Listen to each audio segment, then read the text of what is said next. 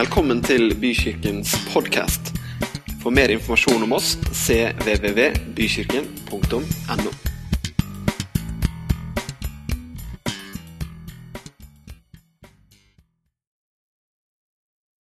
Selv om Frank har gjort det, så må jeg også sånn fra meg få lov å si godt nyttår.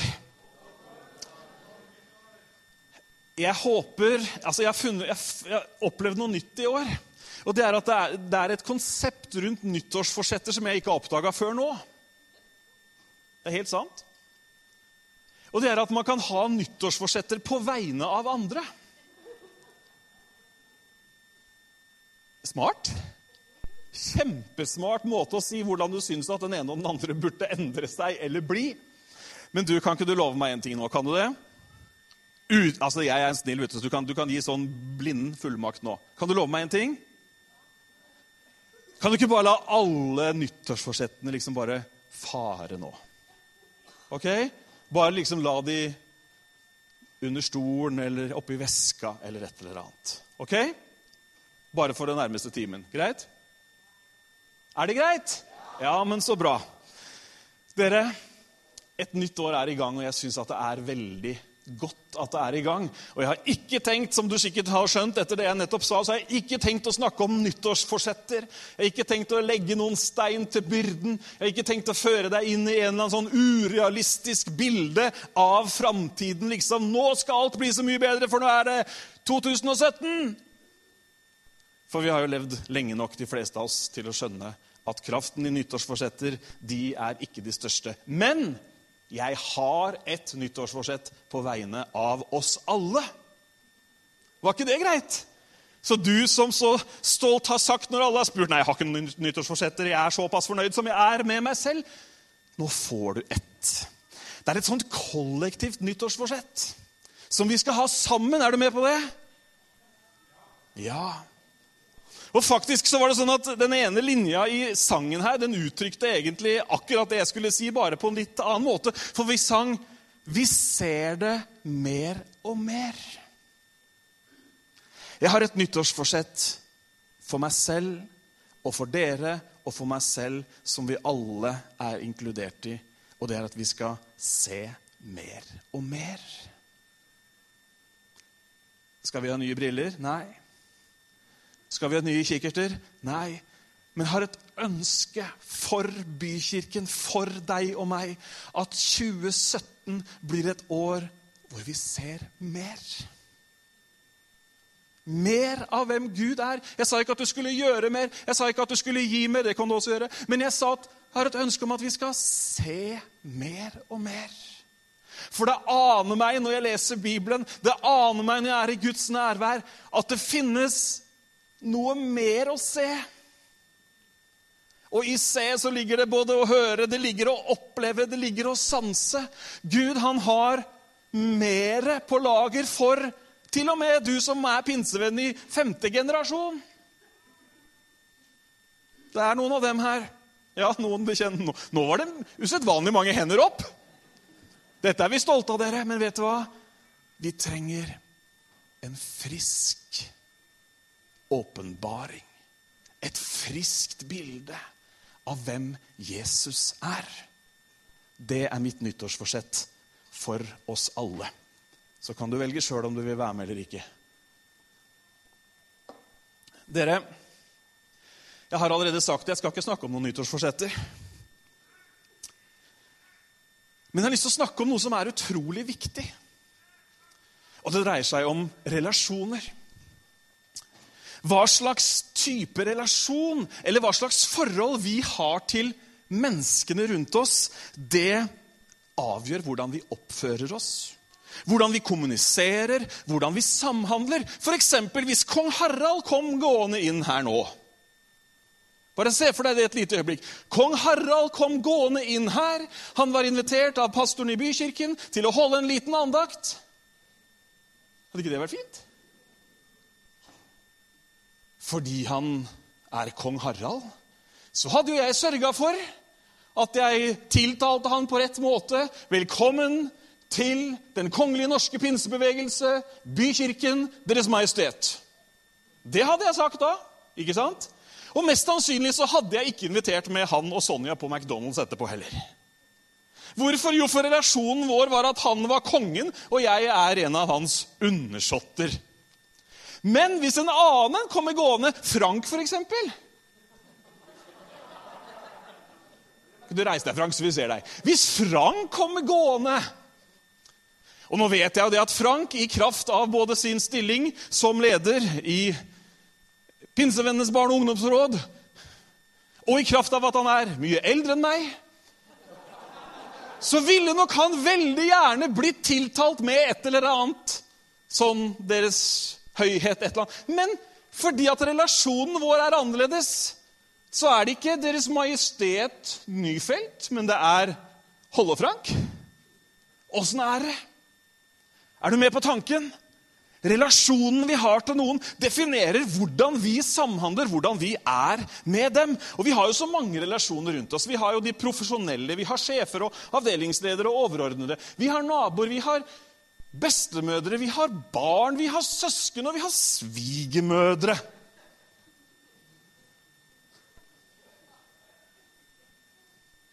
Og Bibelen kan sikkert oppsummeres på veldig mange måter. Men det som er helt sikkert er at hovedgreia i denne boka her, det er en relasjon mellom Gud og menneske. Det er en relasjon mellom skaper og skapning. Og Jesus han er litt opptatt av dette her, ikke bare litt opptatt. Han er opptatt av hvem er jeg i forhold til de andre. Med andre ord så er han opptatt av noe som mange av oss andre også er opptatt av. Han lurer litt på hvem sier de at jeg er? Hm. Han spør disiplene om det. Han sier, 'Hvem sier folket at jeg er?' Disiplene og Jesus har et lite teammøte, og han er nysgjerrig. Han sier hvem sier folk at menneskesønnen er? Og De prøver seg på å svare og referere hva folk har sagt. Noen sier at du er døperen Johannes. Noen sier at du er Jeremia eller Elia eller en av de andre profetene. Og så sier Jesus, 'Men dere, da? Hvem sier dere at jeg er?' Og det er da Peter, som finner på så mye rart i så mange sammenhenger. Men denne gangen er han så sinnssykt på sporet. Denne gangen så svarer han rett, og jeg syns jeg ser han retter seg opp når han svarer. For Simon Peter sier, 'Du er Messias, den levende Guds sønn'. Jaha. Jesus er fornøyd med svaret, og han sier at den der åpenbaringen, Peter, den der forståelsen, den har ikke du funnet på sjøl. Den er den en annen som har vist deg. Den er det Ånden som har vist deg. Den er det Gud, min far i himmelen, som har vist deg. Og så sier han disse berømte ordene. Og Det er ikke det som er teksten, men han sier jo nå, ikke sant? Og jeg sier deg, du er Peter, og på denne klippen vil jeg bygge min kirke, og dødsrikes porter skal ikke få makt over den. Og jeg vil gi deg nøklene til himmelrikets Jeg vil gi deg himmelrikets nøkler, og det du binder på jorden, det skal være bundet i himmelen. Og det du løser på jorden, skal være løst i himmelen. I Bibelen så finner vi flere andre beskrivelser som sier noe om hvem han er, og hvem vi er. Et veldig kjent eksempel som vi har hørt mange ganger i mange forskjellige settinger, det er jo at vi er Guds barn. Ikke sant? Ranen er jo det at vi er Guds arvinger. Men i dag så vil jeg stoppe opp ved noe som sier oss veldig mye om hvem vi, hvem vi er i forhold til Han.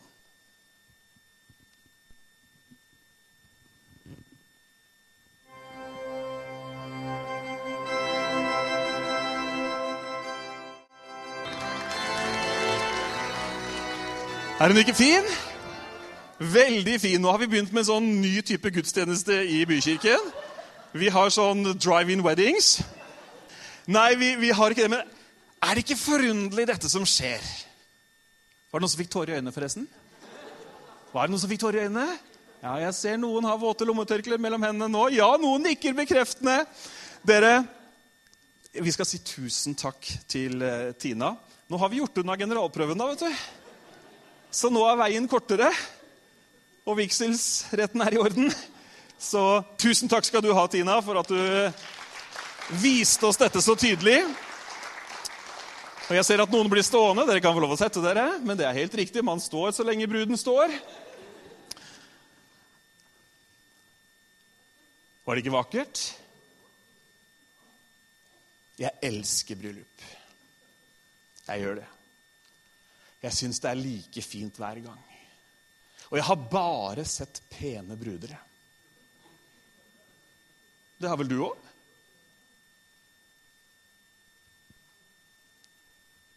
Bruden kommer liksom Brudemarsjen er i gang, og bruden kommer opp der. ikke sant? Og vi reiser oss. Det er noe spesielt, er det ikke det? Jeg går inn i en sånn liten boble. jeg Da Da er jeg liksom ikke i kontakt med omverdenen. Altså, nå snakker jeg ikke bare, snakker jeg om mitt eget bryllup òg, selvfølgelig. ja. Men jeg tenker på også de andre bryllupene, hvor bruden kommer. Og så syns jeg det er litt gøy å veksle mellom å se på bruden og se på brudgommen som står her. Er det flere som gjør det?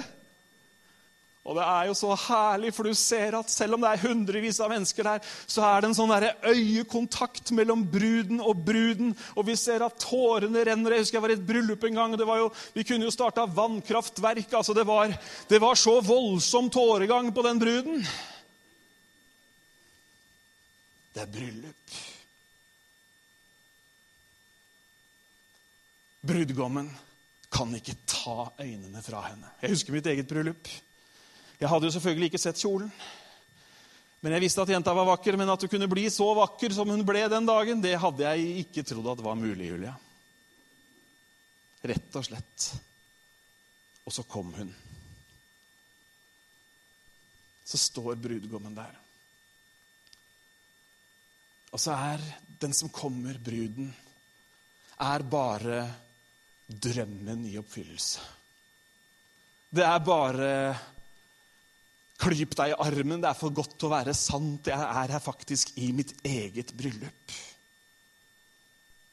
Det er noe inderlig ved det. Jeg lurer på om vi må dele ut noen tørklær, for jeg ser det er flere som sitter og gnir seg litt i øynene her.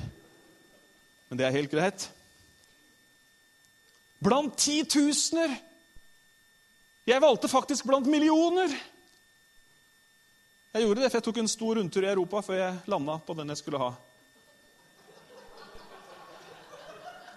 Og blant flere tusener, titusener, faktisk flere millioner, så er det én som skiller seg ut. Og da satte jeg alt inn på å få akkurat henne.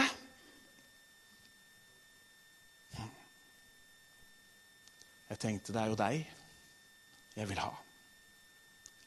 Og så var det hun som sa ja. Bibelen bruker dette bildet på forholdet mellom oss og Jesus. Ja, men er ikke han sånn? Er ikke han sånn? Bibelen bruker dette bildet fullt av kjærlighet, fullt av lengsel. Dette er bildet på forholdet mellom Jesus Kristus og vi, menigheten, som er hans brud. Det er en bok i Bibelen som vi sjelden leser høyt fra, som beskriver denne kjærlighetsrelasjonen. Salomos høysang leser vi ikke ofte høyt fra i bykirken, men det skal vi gjøre nå. Og det er Jesus som sier dette om bruden sin. Det er Jesus som sier det om oss. Så vakker du er. Øynene dine er duer bak sløret. Håret ditt er som en geiteflokk som strømmer nedover Gileads fjell. Sist gang jeg brukte dette skriftstedet, så var det på ungdomsleir. Når, jeg, når, vi skrev lapper til jentene, så var det sitater fra Høysangen som ble brukt. Skal ikke ha håndsopprekning om noen flere har vært med på det. Men jeg skjønte ikke da inderligheten i disse versene. Jeg skjønte ikke da hva det egentlig var snakk om. Jeg trodde bare at det var en konge som hadde liksom blitt litt overrusa på kjærligheten. Men hører dere hvor vakkert det er? Tennene dine er som nyklipte sauer som kommer fra vask. Tvillinger har de alle, og ingen har mistet et lam. Det er lov å le. Leppene dine er som skarlagensbånd, og munnen din er deilig som en skive av et granateple er tinningen bak sløret. Jeg tror vi stopper der, for det kommer en oppsummering i vers 7. Alt hos deg, min elskede, er vakkert. Du er uten feil. Du er uten feil. Forholdet mellom Jesus og oss beskrives som forholdet mellom en brud og en brudgom. Han har valgt seg en brud, og den bruden er uten feil. Ja, men Nå må du se deg i speilet, Bent Ove, så finner du i hvert fall fem feil. Men det er dette som er Jesus sin holdning. Det er dette som er relasjonen hans til oss. Paulus skriver i Efeserbrevet.: Dere menn, elsk konene deres.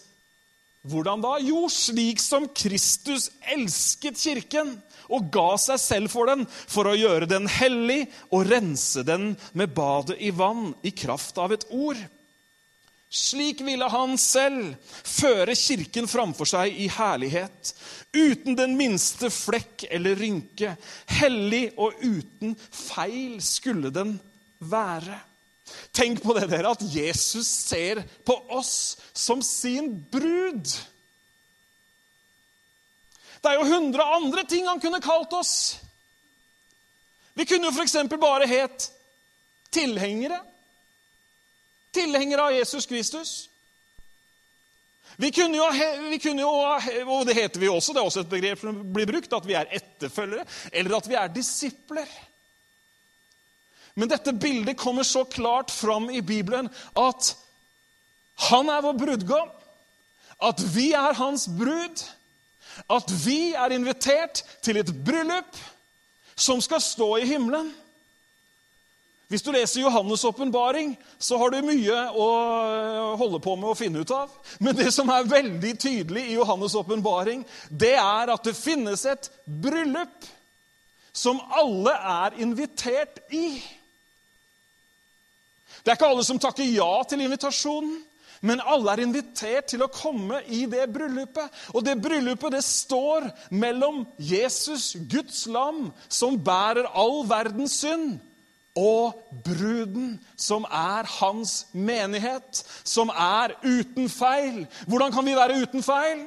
Fordi vi har forbedra oss, og fordi vi lever i verdens rikeste land? Nei, vi kan være uten feil fordi at det var en som kom og betalte for alle feilene vi hadde gjort. Det var en som kom og løste inn gjelda vår. Det var en som utslettet all skammen. Og det var Jesus Kristus vår brudgom. Så det er i kraft av hva han har gjort, at du er hans brud. Du vet, Noen ganger så sliter folk litt med brudekonseptet. For så er det ulike meninger om eh, hvor gammel kan man være og fortsatt stå hvit brud.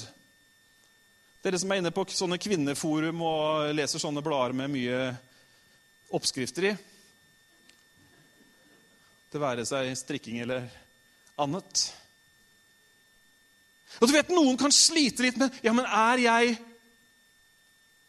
Er jeg uskyldig, da? Kan jeg gå fram og møte min brud i renhet og i uskyld? Som menneske så kan du ikke det.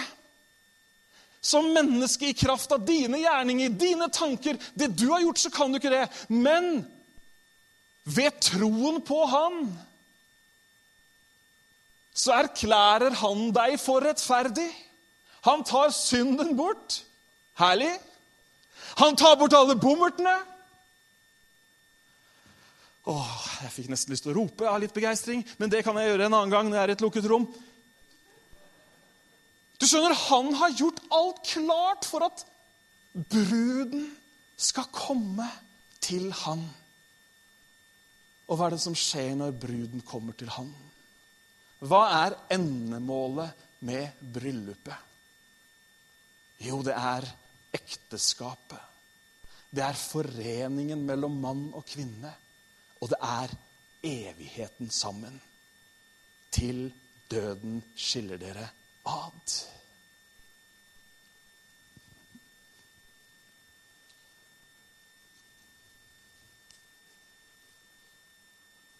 Vi er ikke medlemmer. Vi er ikke tilhørere.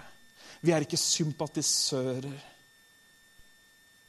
Men vi er hans brud. Dere, la oss ta med oss dette inn i 2017. At vi er hans brud. Det var noen som rota all, alle disse begrepene fryktelig til for noen år siden i Sverige.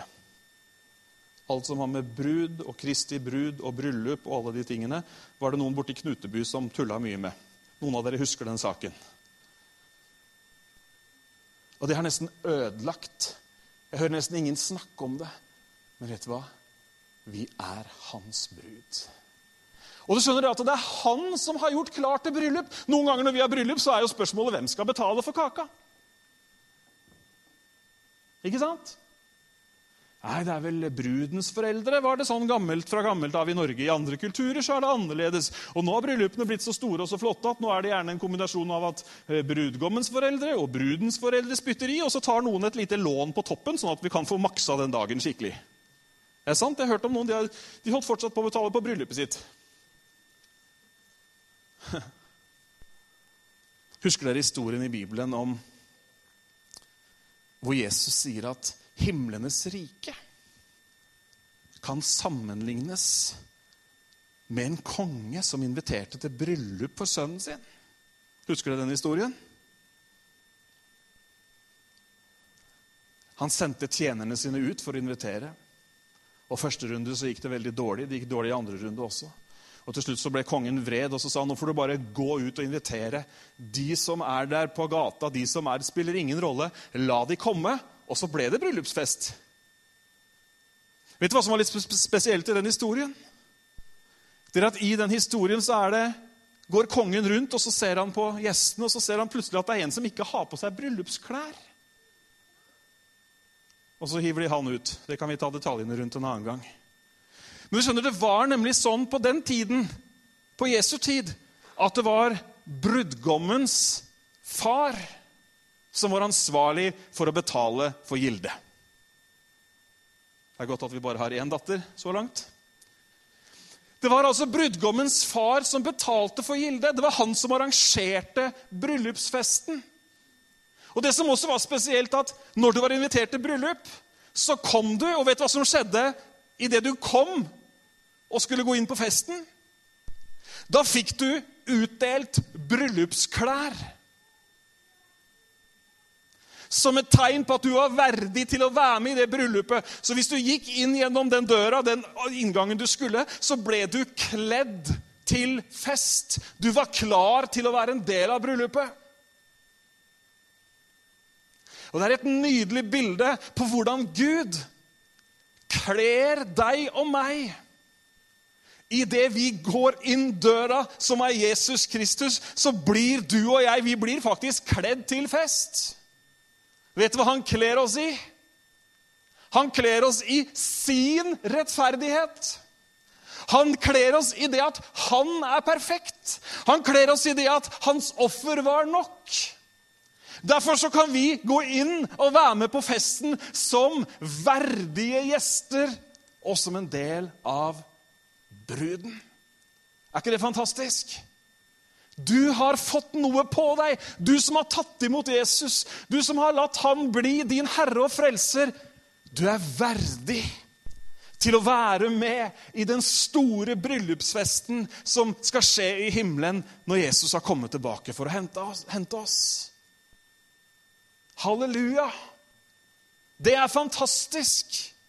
Du kommer aldri til å kunne klare å sy deg klær som er gode nok sjøl. Med andre ord, du kommer aldri til å prestere godt nok i Guds øyne. Du kommer aldri til å bli flink nok. Du kommer aldri til å bli prektig nok. For i vår menneskelige natur så er vi falne, vi er svake, vi gir etter for press. Og det trenger vi ikke å ha noen håndsopprekning på. Der kjenner vi oss alle igjen. Paulus, som liksom er den store, han sier jo selv at blant syndere hvor jeg er den aller største. Men jeg er så glad for at jeg har svart ja til å komme til den festen. Jeg er så glad for at jeg har sagt ja til bryllupsinvitasjonen. Fordi når jeg kom inn døra, så var det en som kledde meg med det jeg trengte. Og så er jeg funnet verdig. Hm.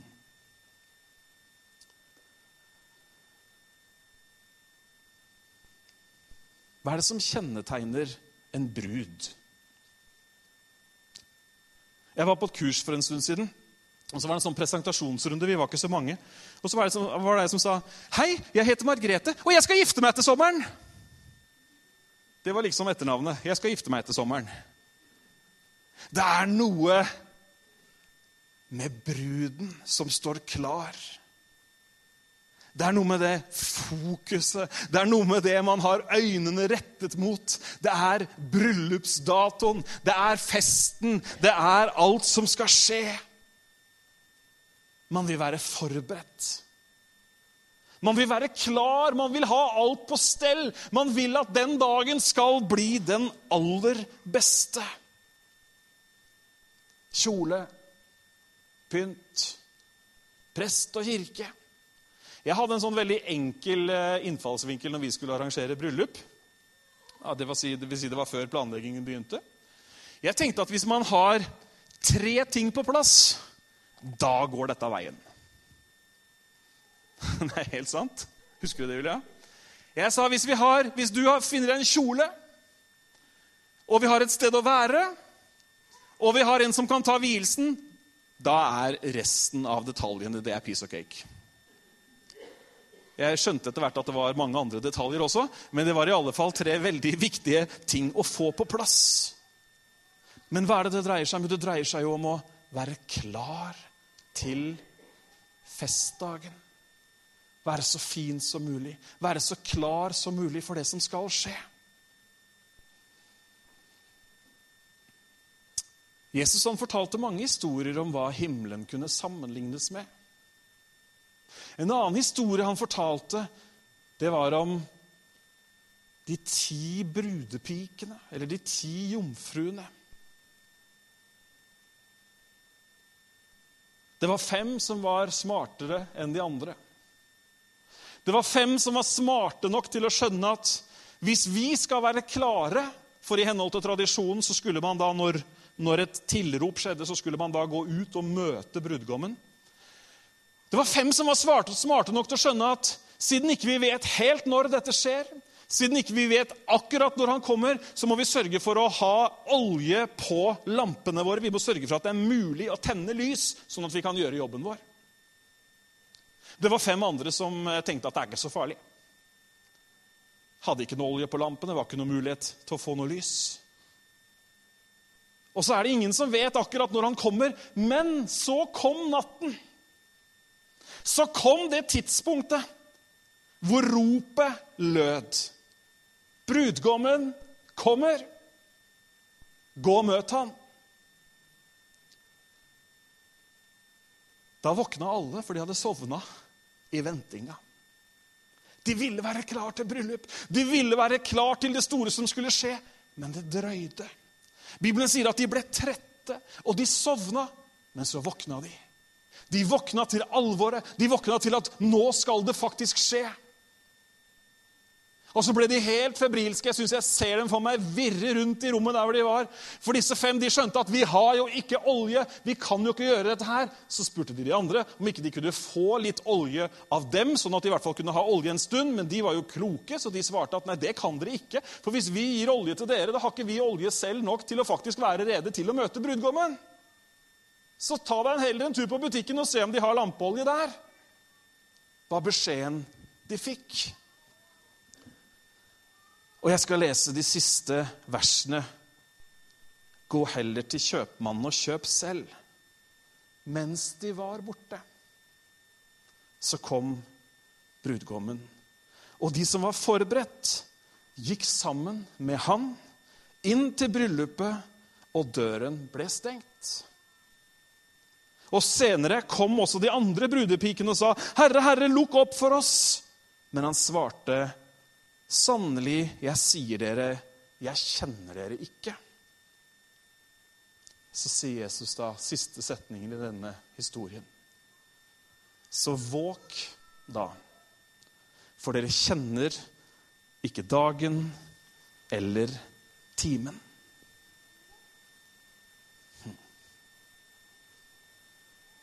Det menneskelige livet, det får sin høyeste tilfredsstillelse i kjærligheten mellom en mann og en kvinne. Og på samme måte så får det åndelige livet vårt Vi har et åndelig liv også.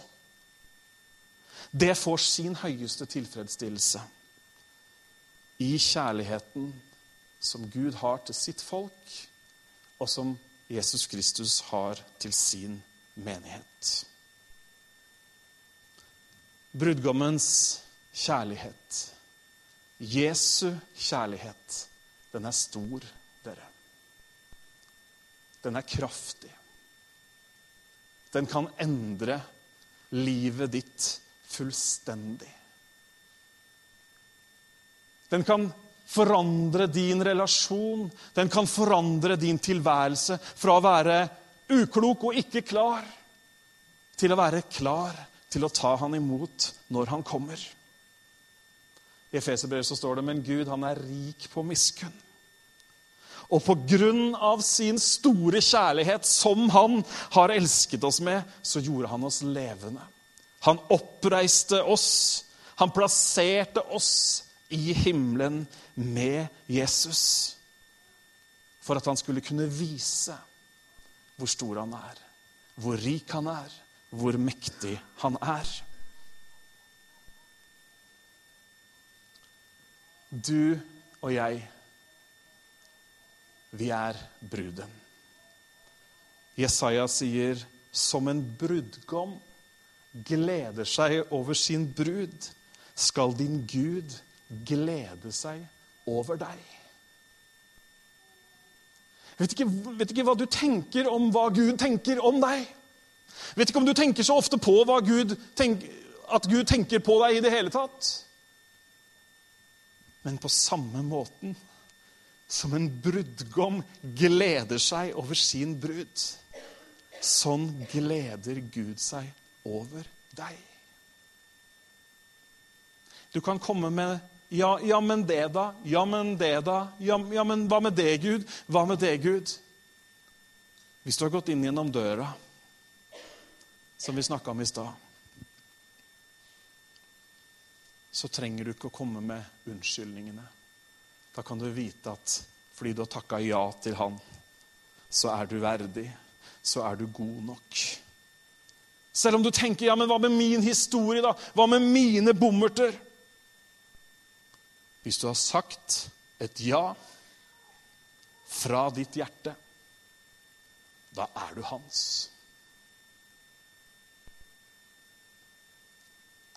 Det er noen dager hvor jeg, hvis jeg kan få være så ærlig, føler meg mindre gift enn andre dager. Hvis du skjønner hva som ligger i det. Ingen som skjønte? Nei. Da, vi er litt annerledes, vi, Julia.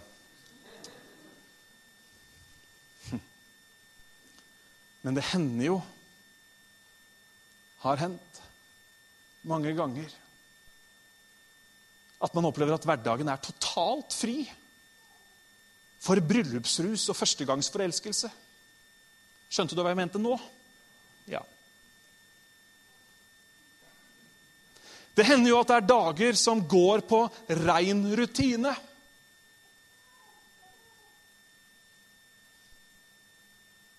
Dager hvor man for så vidt gjør det man skal, og det fungerer på sett og vis. Men det er liksom vanskelig å flytte sinnet tilbake til 15. juli 2006. Hørte du det? In Österreich. Det går på det vante. Når Johannes i Johannes' åpenbaring får se avslutningen, får se bryllupet, får se inn i det siste, så får han et oppdrag. Og vet du hva det oppdraget er? Det er å si noe til bruden. Det er å si noe til kirkene. Det er å si noe til menighetene. Mange av menighetene, og Vi skal ikke gå inn i alle de, men mange av menighetene som vi leser om i Johannes' åpenbaring, de har det meste på plass. De er definitivt kirker, de er definitivt brud, de er definitivt liksom hans. Men Johannes får et oppdrag. Skriv til engelen i den menigheten. Skriv til engelen i den. Skriv til menigheten der. Skriv til menigheten der. Si dette. Det dreier seg om ulike ting i de ulike menighetene.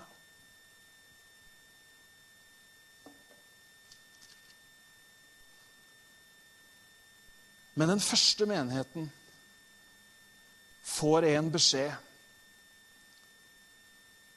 som noen sikkert kan gi veldig sånn tordnende, men som er faktisk full av håp.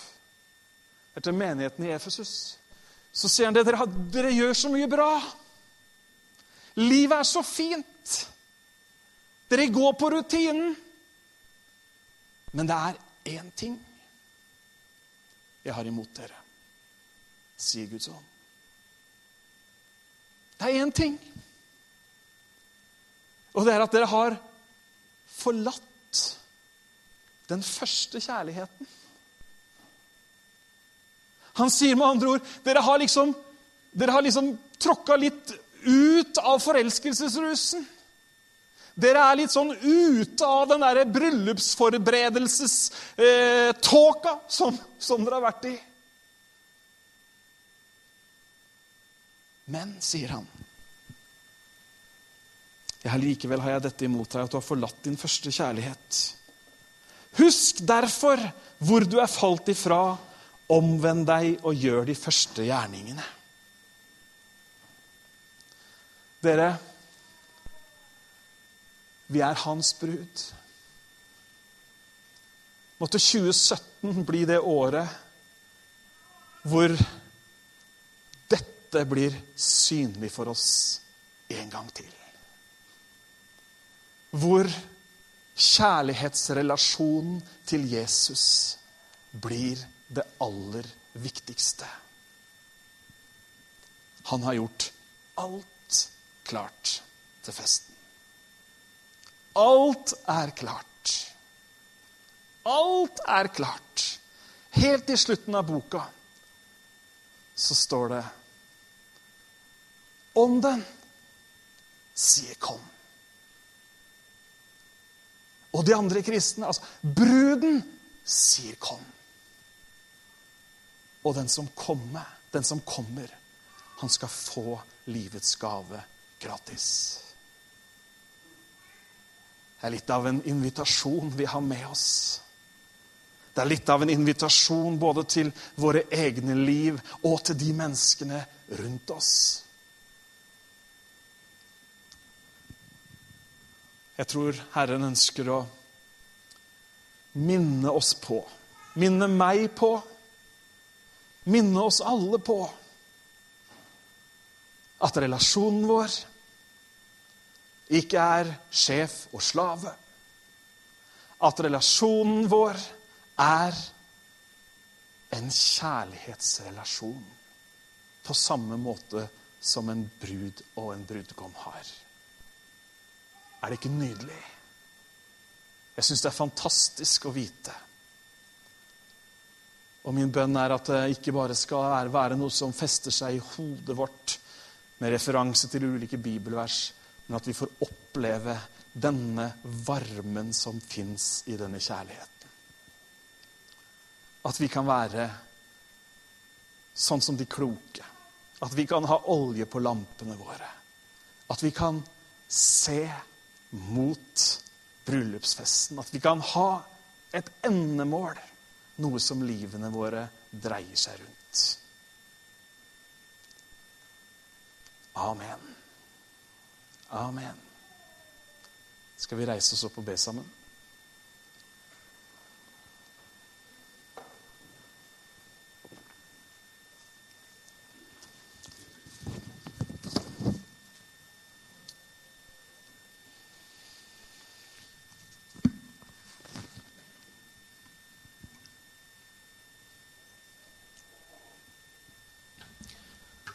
Skal vi ikke bare henvende oss til Gud i bønn?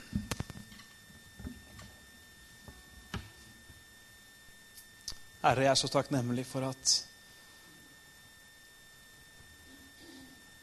jeg kan være en del av din brud. Sammen med alle mine brødre og søstre som står her, Herre. Takk for at ikke du er en Gud som er langt borte, Herre, eller som er fjern men du er en Gud som bor midt iblant ditt folk. Jeg takker deg, Herre, for at vi får leve vår tid på jorda, Herre, får tjene i denne generasjonen, Herre, med et stort perspektiv over livet, som er at vi tilhører deg, at du er vår brudgom. Vi er din brud. Herre, jeg har lyst til å takke deg for eh, de som har hørt ordene i dag. Jeg har lyst til å takke deg for hvert eneste liv som er her. Og Herre, takk for at vi kan få se mer og mer av hvem du er, og hvem vi er i relasjon til deg. Herre, jeg ber for dagene som ligger foran oss, og for dette året, Herre. At vi skal få ta tid med deg, sånn som bruden lengter etter brudgommen. Bruden finner alltid tid, og brudgommen er alltid klar. Sånn at kjærlighetsrelasjonen vår med deg, Herre, kan bli dypere og sterkere. Herre, la relasjonen vår med deg vokse seg sterkt gjennom et langt ekteskap. Gjennom dag etter dag hvor vi får oppleve at din nåde og din trofasthet, de står til evig tid. For du er ikke troløs. Du lurer oss ikke. Du svikter oss ikke. Men du er sann i dine løfter. Du er sann i det du har lovt. Ditt ord er sannhet. Jeg velsigner alle i ditt navn, Herre. Liten og stor, gammel og ung. Velsigner enhver situasjon, Herre. Kom med ditt nærvær. Kom med din løsning. Kom med ditt svar. Å, vi priser deg, Herre. Vi takker deg. Og bruden sa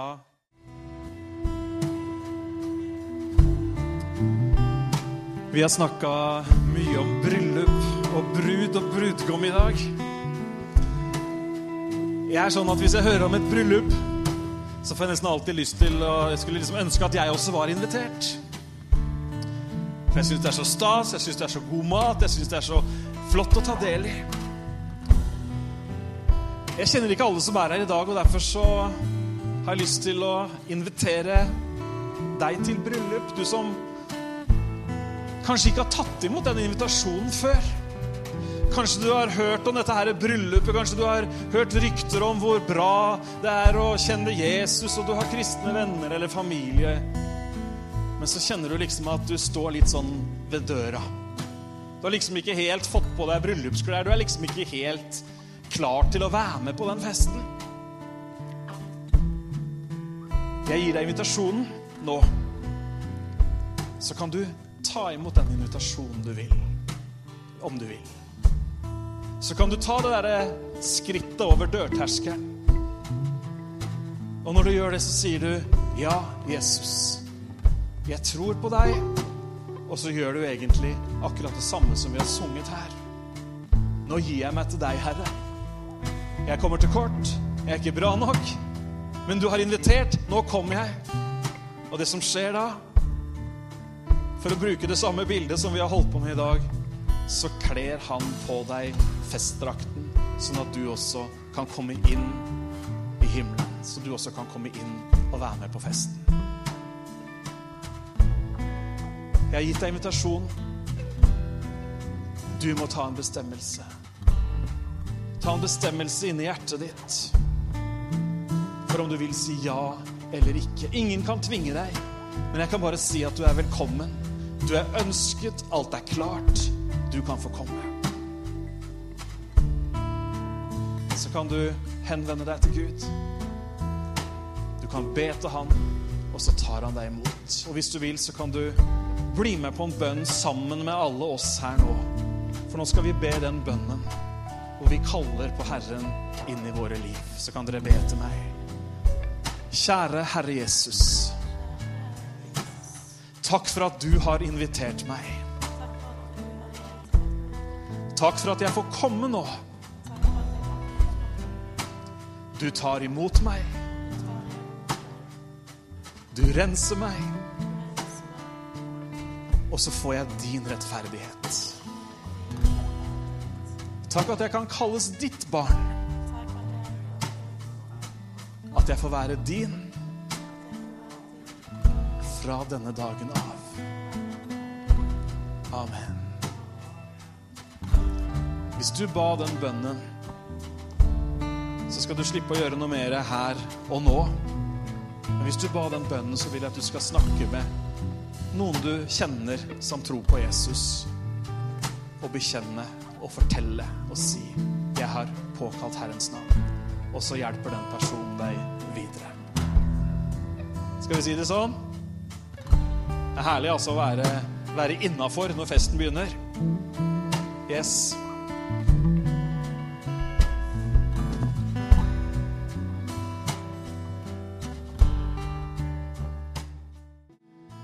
Da går vi mot veis ende av denne gudstjenesten. Men jeg har lyst til å avslutte gudstjenesten med å lyse Herrens velsignelse over alle oss her. Herren velsigne deg, og Herren bevare deg. Herren la sitt ansikt lyse over deg og være deg nådig. Herren løfte sitt åsyn på deg og gi deg fred ønsker jeg at dere skal få lov til å gå inn i denne uka eh, med løfta hode og kunne tjene Herren med glede. Så gleder jeg meg til å se dere om en uke igjen.